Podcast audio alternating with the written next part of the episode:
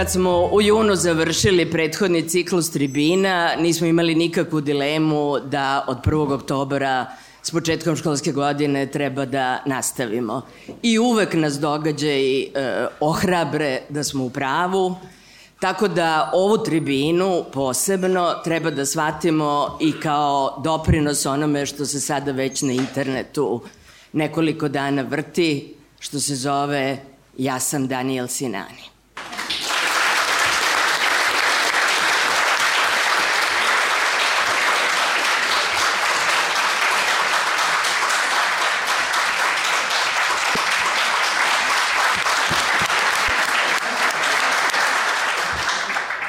Svi smo u ovoj zemlji Daniel Sinani, svi smo uh, uvređeni, svi smo targetirani, svi smo ugroženi, nismo uplašeni, ali nas je stid i želimo se borimo da ova zemlja bude bolja jer verujemo da ona može da bude bolja. Situacija sa Danielom Sinanijem i rektorkom Beogradskog univerziteta Ivanko Popović je paradigmatična i zato će to biti tema sledeće tribine.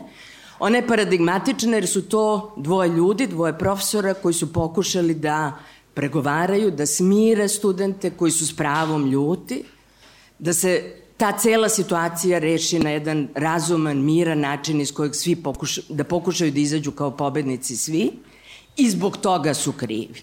Krivi su jer su mirno rešili, krivi su jer nisu e, doveli do eskalacije tog sukoba, jer nisu otvorili prostor za vlast da se u tome umeša. Dakle, krivi ste kad ste normalni, krivi ste kad ste razumni i to je ono što je najstrašnije.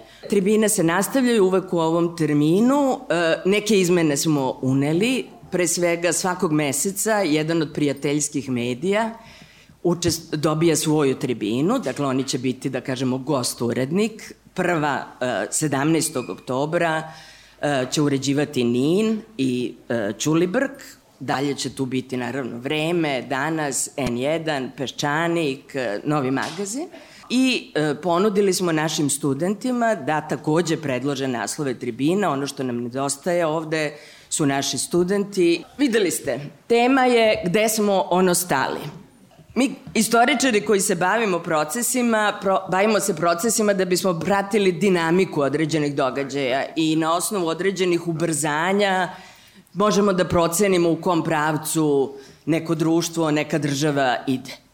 Sve ono što se dešavalo letos, počevši od teksta plebsi elita, od užasnih napada na predstavnike Beogradskog univerziteta, posebno Filozofskog fakulteta, pregovori vlasti i opozicije, odluke od bojkotu, osnivanje samoodbrane, uh, jedan niz događaja i sve veća agonija vlasti, čini se, sve veća agresija vlasti, e, izgledaju kao da se događaji ubrzavaju i to da se ubrzavaju jednom vrlo rizičnom, pa čak možemo reći i u opasnom pravcu. Zato smo pozvali goste koji su ovde, All Stars Band, e, koji će nam govoriti iz svojih oblasti koje su stalno aktuelne, šta se desilo od juna od kad smo se rastali, a naravno da je tema s kojom moramo da počnemo jeste napad na Daniela Sinanija, jeste napad, novi napad na rektorku Beogradskog univerziteta, uh, napad na sve one koji se zalažu za autonomiju univerziteta i zato uh, će to biti prvi krug naših pitanja. Svetlana, ti si mnogo ljuta, izvoli prva. Meni drago da ste reagovali, da smo tako reagovali kada je pomenuto ime cenog profesora Sinanija. Mi smo objavili naravno saopštenje koje je stiglo sa Filonskog fakulteta, ali ja sam zadužena da budem đavolji advokat, tako da će odmah imati jednu primjedbu da iznesem na to saopštenje. A to je da pominjanje onog nepomenika sa Happy televizije je bilo višak u tom saopštenju. Nije on ciljna grupa. Ciljna grupa nas svih ovde mora da bude država. Normalno je da će oni govoriti to što govore, to je njihovo vjeruju, to su fašisti i oni ne izlaze iz svog lika. Problem je nereagovanje države. Zbog toga mislim da je ovih dana veoma važno da se apostrofira činjenica da Ministarstvo kulture i informisanja se ponovo pravi da je mrtvo i poziva sve na poštovanje kodeksa. Poverenica za ravnopravnost je dala jedno saopštenje u kojem je osudila, naravno, taj rečnik koji se koristi na Happy televiziji, međutim, čak je i ona imala potrebu da prozove REM. Vi svi znate tu gospođu koja je u stvari jedina u REM-u i postoji, Liberiju Zekić, Međutim, ja sam prva zapanjena bila da postoji 100 ljudi koji mi plaćamo svakoga meseca da upravo prate šta se dešava na televizijama, koji se jezik govori i tako dalje. 100 ljudi svakoga dana ulazi u taj REM i analizira nešto. Dakle, 100 ljudi, a ne samo ta Olivera Zekić, mora nešto da kaže o tome. Najzad, najodgovornije u celoj stvari je a, a, žena koja mora da bude istrana iz svoje pacovske jazbine, a to je Zagorka Dolovac, to je javna tužiteljka.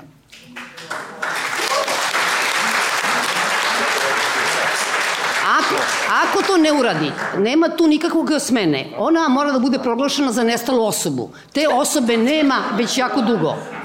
Druga stvar koju hoću da napomenem još, ako dozvoliš, to je da je počelo pritisak, odnosno blaćenje profesora Raše Karapanđe, koji je upravo na Peščaniku objavio ovu stvar o doktoratu Siniše Malog. Dakle, Vučić je imao potrebu da iz Njujorka urla preko Tihog okeana o Partizanu i o Zvezdi, je li tako? Atlantskog. Atlantskog, pardon, Atlantskog. A on obiđe zemlju dva puta u krugu. Je.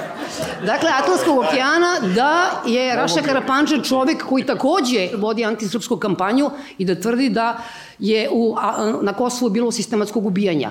A ova država ima suđenje pred sobstvenim sudom upravo za ratne zločine na Kosovu. Šta je tu sporno? Ovaj naš nepomenih drugi predsednik države je pecao pre nekoliko dana sa Orbanom. Njih dvojica su za razliku od Erdogana koji nam dolazi za nekoliko dana, našli drugačiji odnos ili pristup akademskoj zajednici ili, ili da kažem intelektualcima.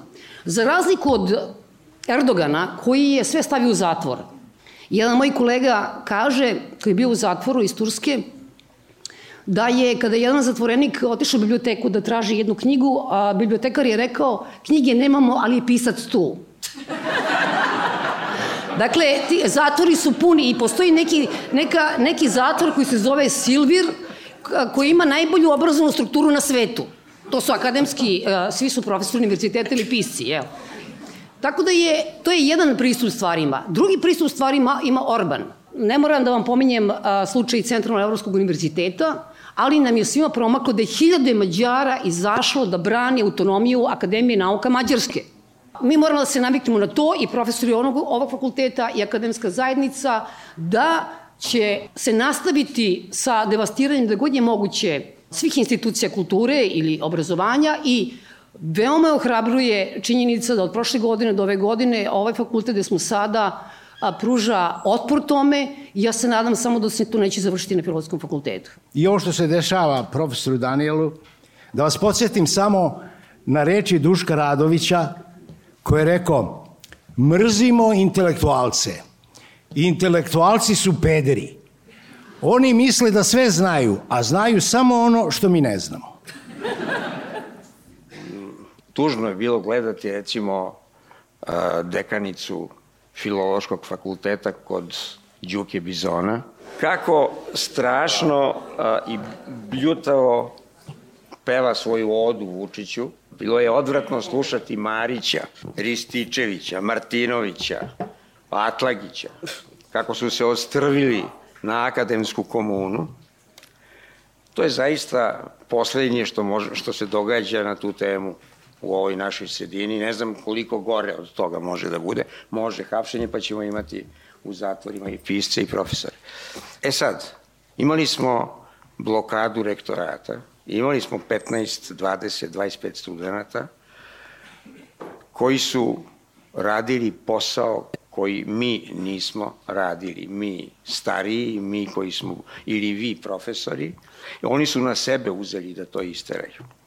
A onda smo mi počeli da razmišljamo i da debatujemo na temu da li su instruirani i od koga su instruirani. I to je sramno od onih koji to pitanje pokreću. Ti mladi ljudi, čak i da su instruirani od nekog, rade posao koji nije pre njih urađen na vreme. Ovo je sve osveta loših đaka i da sam to napisao davno i to će se tek desiti. I ko je tome kriv? Pa krive su dve ustanove. Kriva je škola od osnovne do vrha, uključujući filozofski fakultet.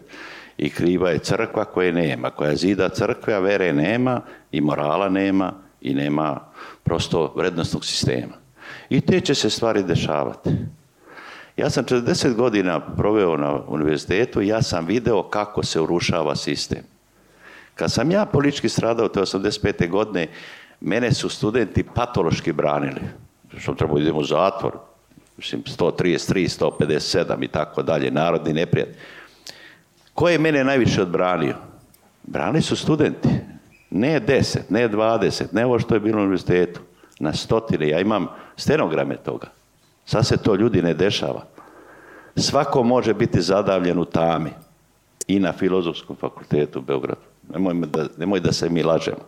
Ovo je, gospodo, osveta loših đaka. Ovde na filozofskom fakultetu, na kome sam ja proveo 20 godina, ovaj je preovladalo da treba pritiskati da svi prođu. Ako svi prođu, elite i nema. Nemoj da se lažemo. Nisu se stvari desile slučajno. Ja se čudim ovim ljudima što su navali na te doktorati, ja kažem, ljudi u ekonomiji ima jedna zakonitost. Stvari su vredne ako su redke. A ako će više biti doktorata nego stanovništva, pa besmisleno je to ljudi. A to će se desiti. Ko je tome kriv? Uzmemo Kragujevac. Kragujevac. 20 godina ne može da se reši prodaj diploma. Na državnom univerzitetu. Šta mi da očekujemo od drugih univerziteta, od privat? Pa oni su i napravljeni kao profitne firme. Da li je ustala rektorka, da li je ustali fakultet da kaže promenimo zakon i da bude član samo jedan? Univerzitet može osnovati svako, ali kao neprofitnu organizaciju kakvi su američki univerziteti. Jedan član rešava sve. Jedan član rešava sve. Jesmo mi to tražili? Pa nismo tražili. Čitav je sistem pogrešan i ovo je samo kraj jedne priče, jednog puta koji smo mi odabrali. Jesmo čutali. Te je tu dostojanstvo? Ja sećam kad su oborili plate. Ja sam tu agito da se pobuni univerzitet kad je Vučić oteo 10% plate.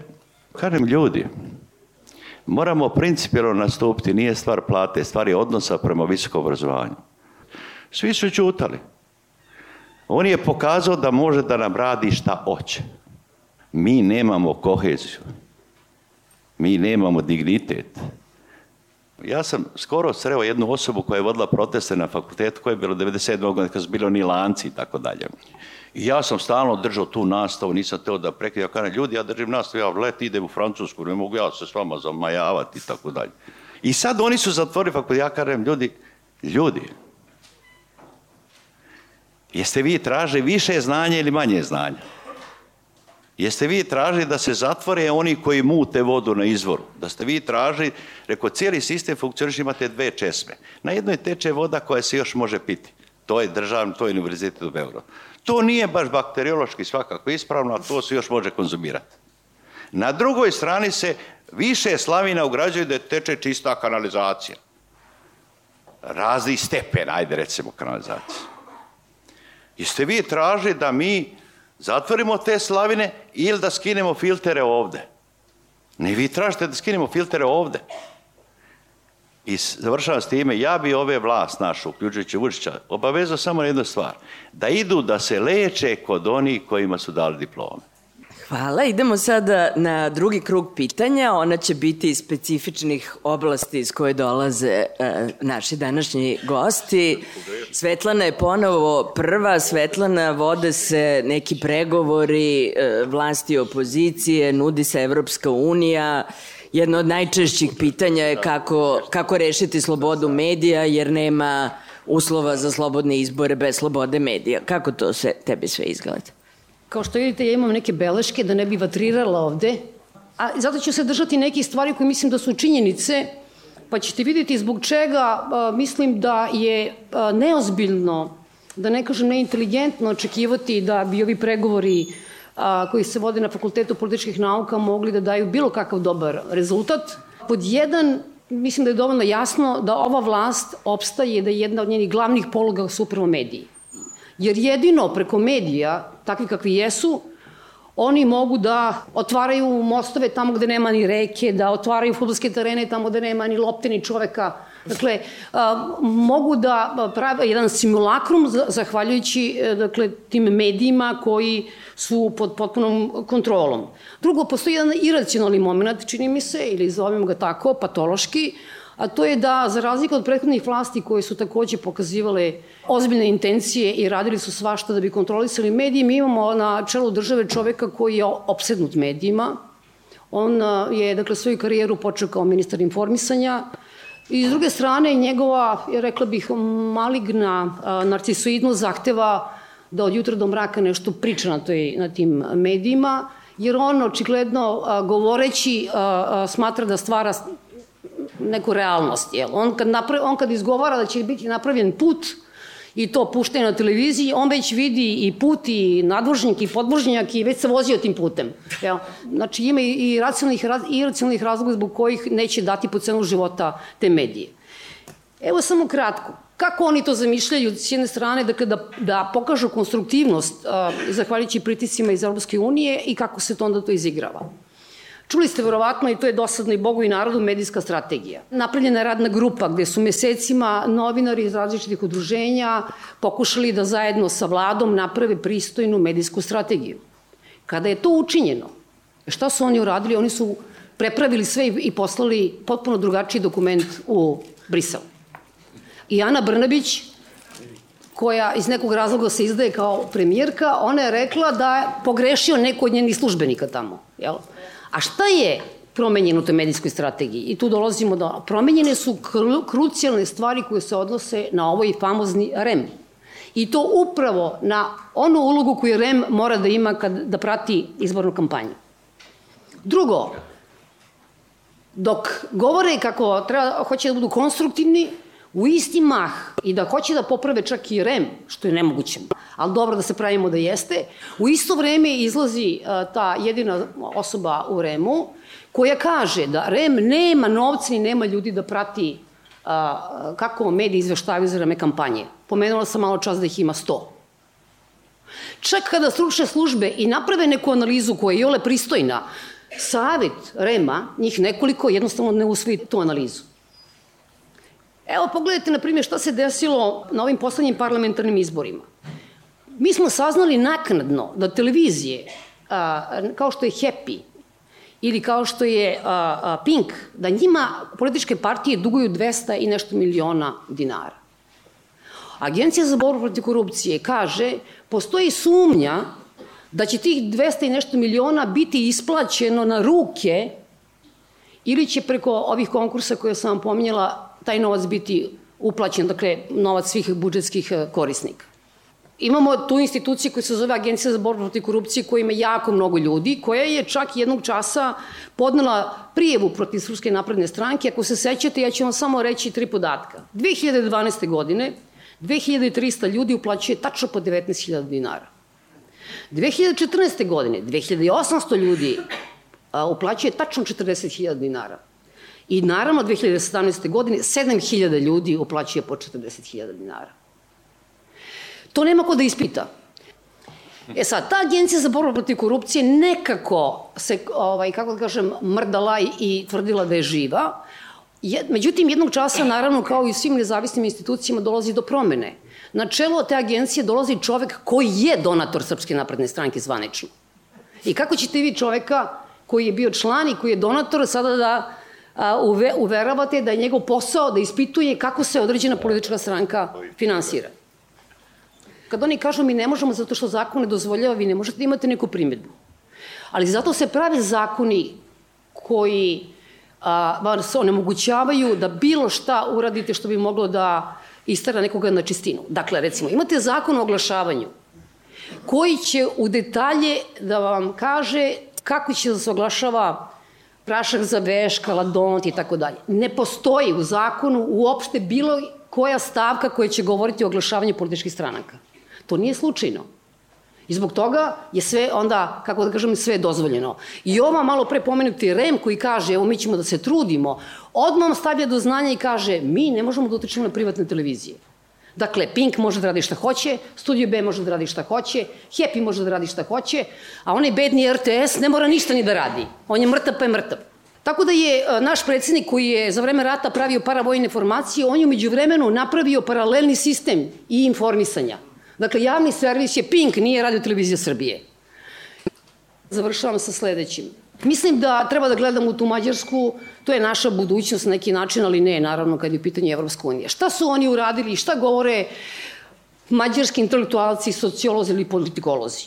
Oni kažu ovako, da čak i ako bude opozicija jednog dana pobedila na izborima, neće moći da preuzme vlast. Zbog toga što je on, na primjer, donao 32 zakona sistemska, koja ne mogu biti doneta bez dvotrećinske većine. To znači bez njegove stranke. On tačno tempira izbor nekih te, a, a, veoma važnih ljudi i punktova tako da budu, kako da kažem, da se ne poklapaju sa izborima. Dakle, on može da izgubi izbore, ali je njegov čovek na čelu fiskalnog saveta, a fiskalni savet nije kao kod nas savjetotalno delo, nego može da stavi veto i da obori vladu praktično. On je stavio na mesto tog predsednika države, on je stavio predsednike Ustavnog suda. Dakle, oni su zauzeli te punktove koji će i eventualni dolazak opozicije na vlast sprečiti da zaista u punom kapacitetu, što bi rekli, preuzmu rukovodđenje jednom državom. Ovde se ubrzano radi na tome. Konačni zaključak je sledeći, s kojim se ja slažem, a to je da ova vlast kao ni Orbana ne može biti pobeđena na izborima, da će biti nekog zemljotresa, pitanje je šta će posle toga da ostane, ali to naravno ne znači da mi ne moramo da se ponašamo svakoga dana kao da ima nade, i onda ćemo ganjati REM, pa ćemo da ganjati ja, Zagorku Dolovac, ako je nađemo, bilo kada, jel? svakoga pojedinačno. Moramo da razmišljamo makar o tome da taj scenariju neće biti tako, kako da kažem, bezbolan kao što se mi nadamo. Imam jednu vest koja je u stvari tragična, htela sam da kažem da je dobra, u stvari je strašna. Vest je da je najveća organizacija e, za zaštitu baštine Europa Nostra e, stavila Kalemegdansku tvrđavu na listu od sedam najugroženijih spomenika kulture u svetu 2019. godine. E, razgovarat ćemo i o gondoli, naravno, ali čini mi se da je Trg Republike paradigma svega što nam se dešava u uh, urbanom prostoru i sad ne znam da li uh, je zanimljivije prevrtanje kocki ili ono što je meni bilo najstrašnije izbor za mis Beograda koji se dešavao na trgu Republike javno, ja mislim da to nema više ni u jednom selu. Uh, dakle, šta je ideja, da li su u pravu, oni koji kažu da je to mržnja prema gradu, mržnja ovih loših đaka, u čemu mi to živimo, zašto je Trg Republike paradigma za sve? Pa posle ovog cecinog, ko šiša trg? Mislim, ovo cecino je važno. Vi ste svi prošli, sad dolazit će ovom preko trga i sve znate o trgu. Ja moram da nešto vam ispričam što ne znate. Sad je jedna nova sportska disciplina. Ko će više da pljune po trgu? A glavne stvari prolaze, to je vrlo važno, koliko je tu novca potrošeno i zašto je potrošen taj novac i zašto je to toliko trajalo i zašto još uvek traje i dokle će da nas muče. Zašto pričam insistira na novcu? Potrošeni su ogromni novci. Potrošeno je 10 miliona eura. A ja imam insajdere koji su mi otkrili podatke u ovom projektu, naravno. Ja ne mogu dalje od projekta. Ne znamo kakav je ugovor, ali znamo kakav je projekat. Glavne stavke šta košta na trgu je taj kamen. Taj kamen su tri vrste kamena. Velike ploče, 80-80 cm, debele 10, i one koštaju po projektu 60.000 po kvadratnom metru. Druga vrsta kamena, jablanički kamen, ploče 20 sa 20, debele 10 i one koštaju 20.000 po kvadratnom metru. One tamo čuvene koje se sad prevrću i koje su taj saobraćeni deo trga, te kocke koštaju 40.000 po kvadratnom metru. I nema nikakve tajne. Ukupno je to 12.500 kvadrata. Sve to kad saberete i pomnožite, a znate, u sve, ne može da se sakrije nabavna cena, cena transporta i cena ugradnje. Ne može da se sakrije da to košta 4 miliona i 400 hiljada. Gde je drugi 6 miliona eura? Ajde da nađemo krivca pa da ga kaznimo, pa da odgovara. Ne. To je nemoguće. Znamo ko je dobio konkurs, koji arhitekti i na jednom velikom međunarodnom konkursu dobili su kao najbolji rad. Ali oni nisu autori trga. Njima je to promenjeno, njima je uzeto to od njih. Po zakonima našim je to od njih preuzeto. Ko je preuzeo? Raspiše se javna nabavka, pa se izabere najjeftiniji ponuđač da dalje radi izvođački projekat. Pa je izabran CIP, jer je bio najjeftiniji. I autori sklonjeni, nemaju pristupa. Oni jesu bili kobajagi neki konsultanti, ali njih od njih nije zarazivo šta god kažu, njih nisu slušali. Znači oni nemaju odgovornost. Onda dođe CIP koji uradi projekat, koji, a onda oni neko i neka, neki podnarednici koji drže vlast, neki despoti tu lokalni, oni promene i taj CIPO projekat. I onda na kraju krajeva ne znate ništa, ni ko je to promenio, ni ko je izdavo naloge i najvažnije, ko vrši nadzor. Ne zna se. Neka, I neko javno preduzeće grada Beograda je vršilo nadzor. Ko? Ne zna se.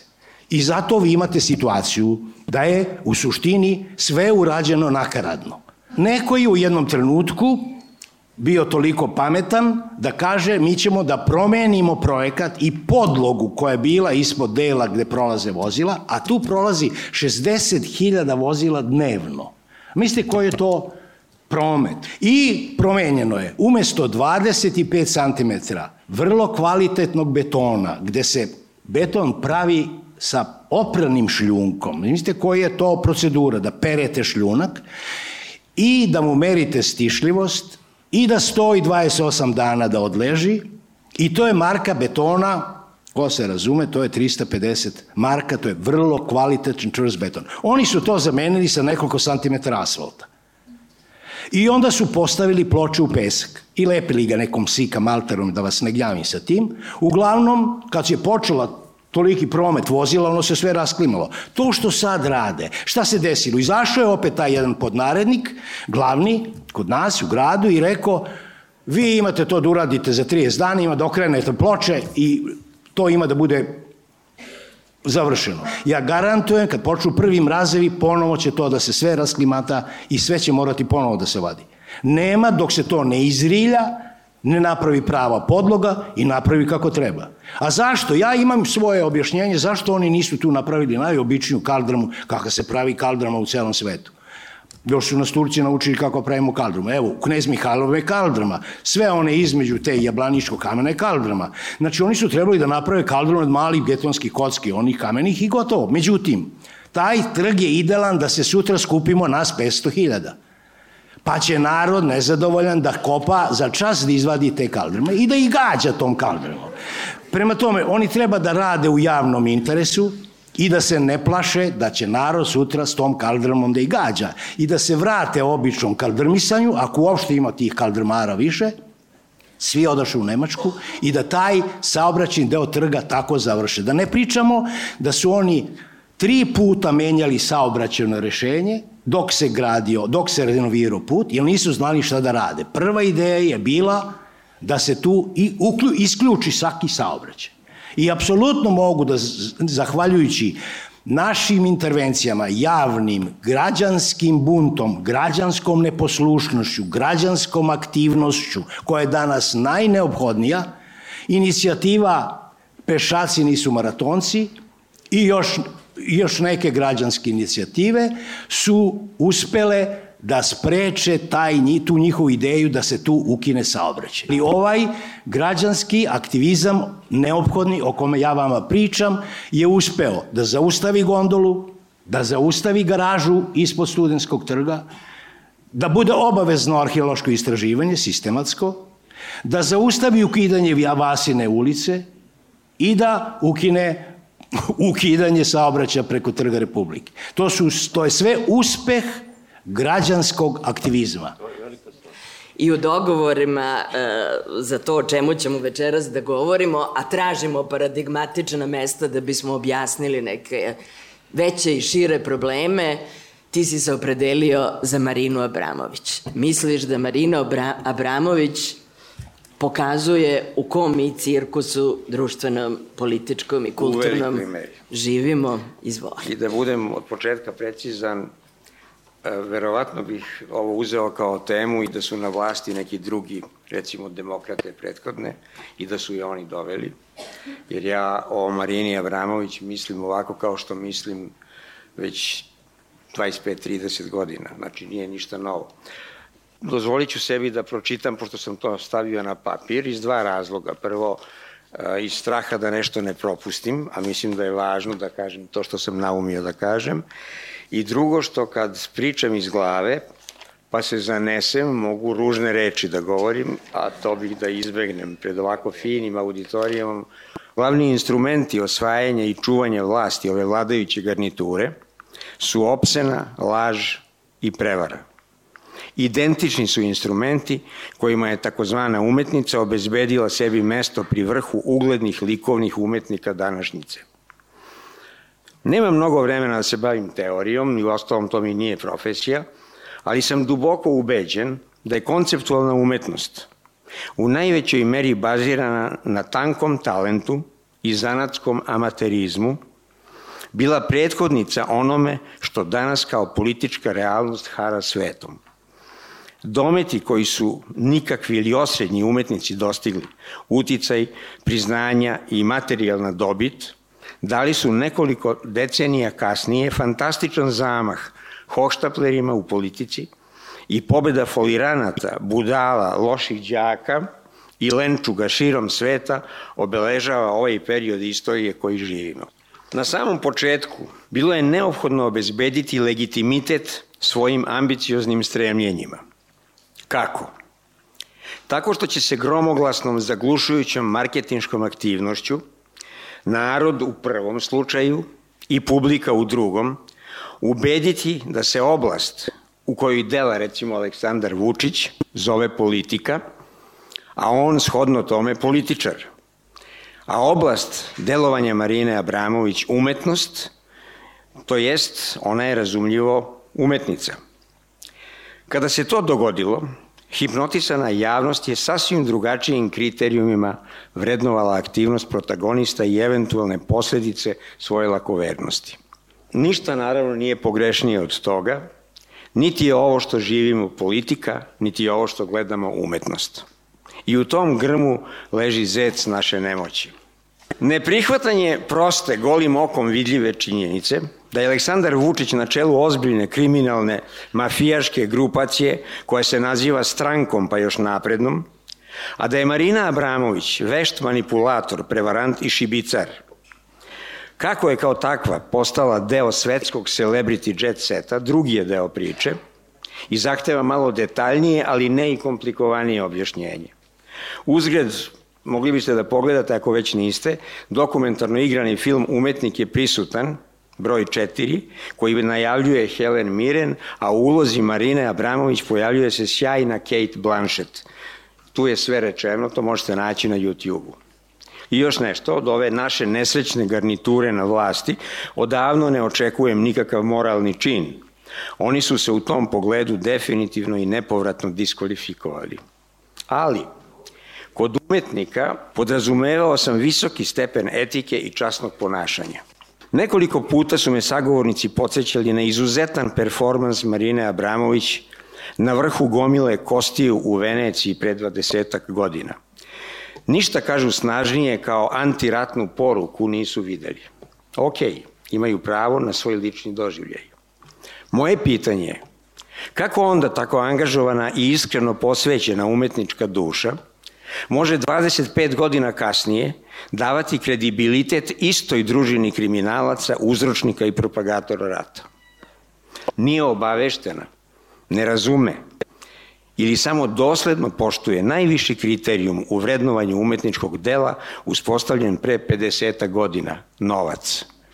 Dakle, veliki doživlje iz Venecije mogo je biti samo jedno, rezultat teške manipulacije i neiskrenosti.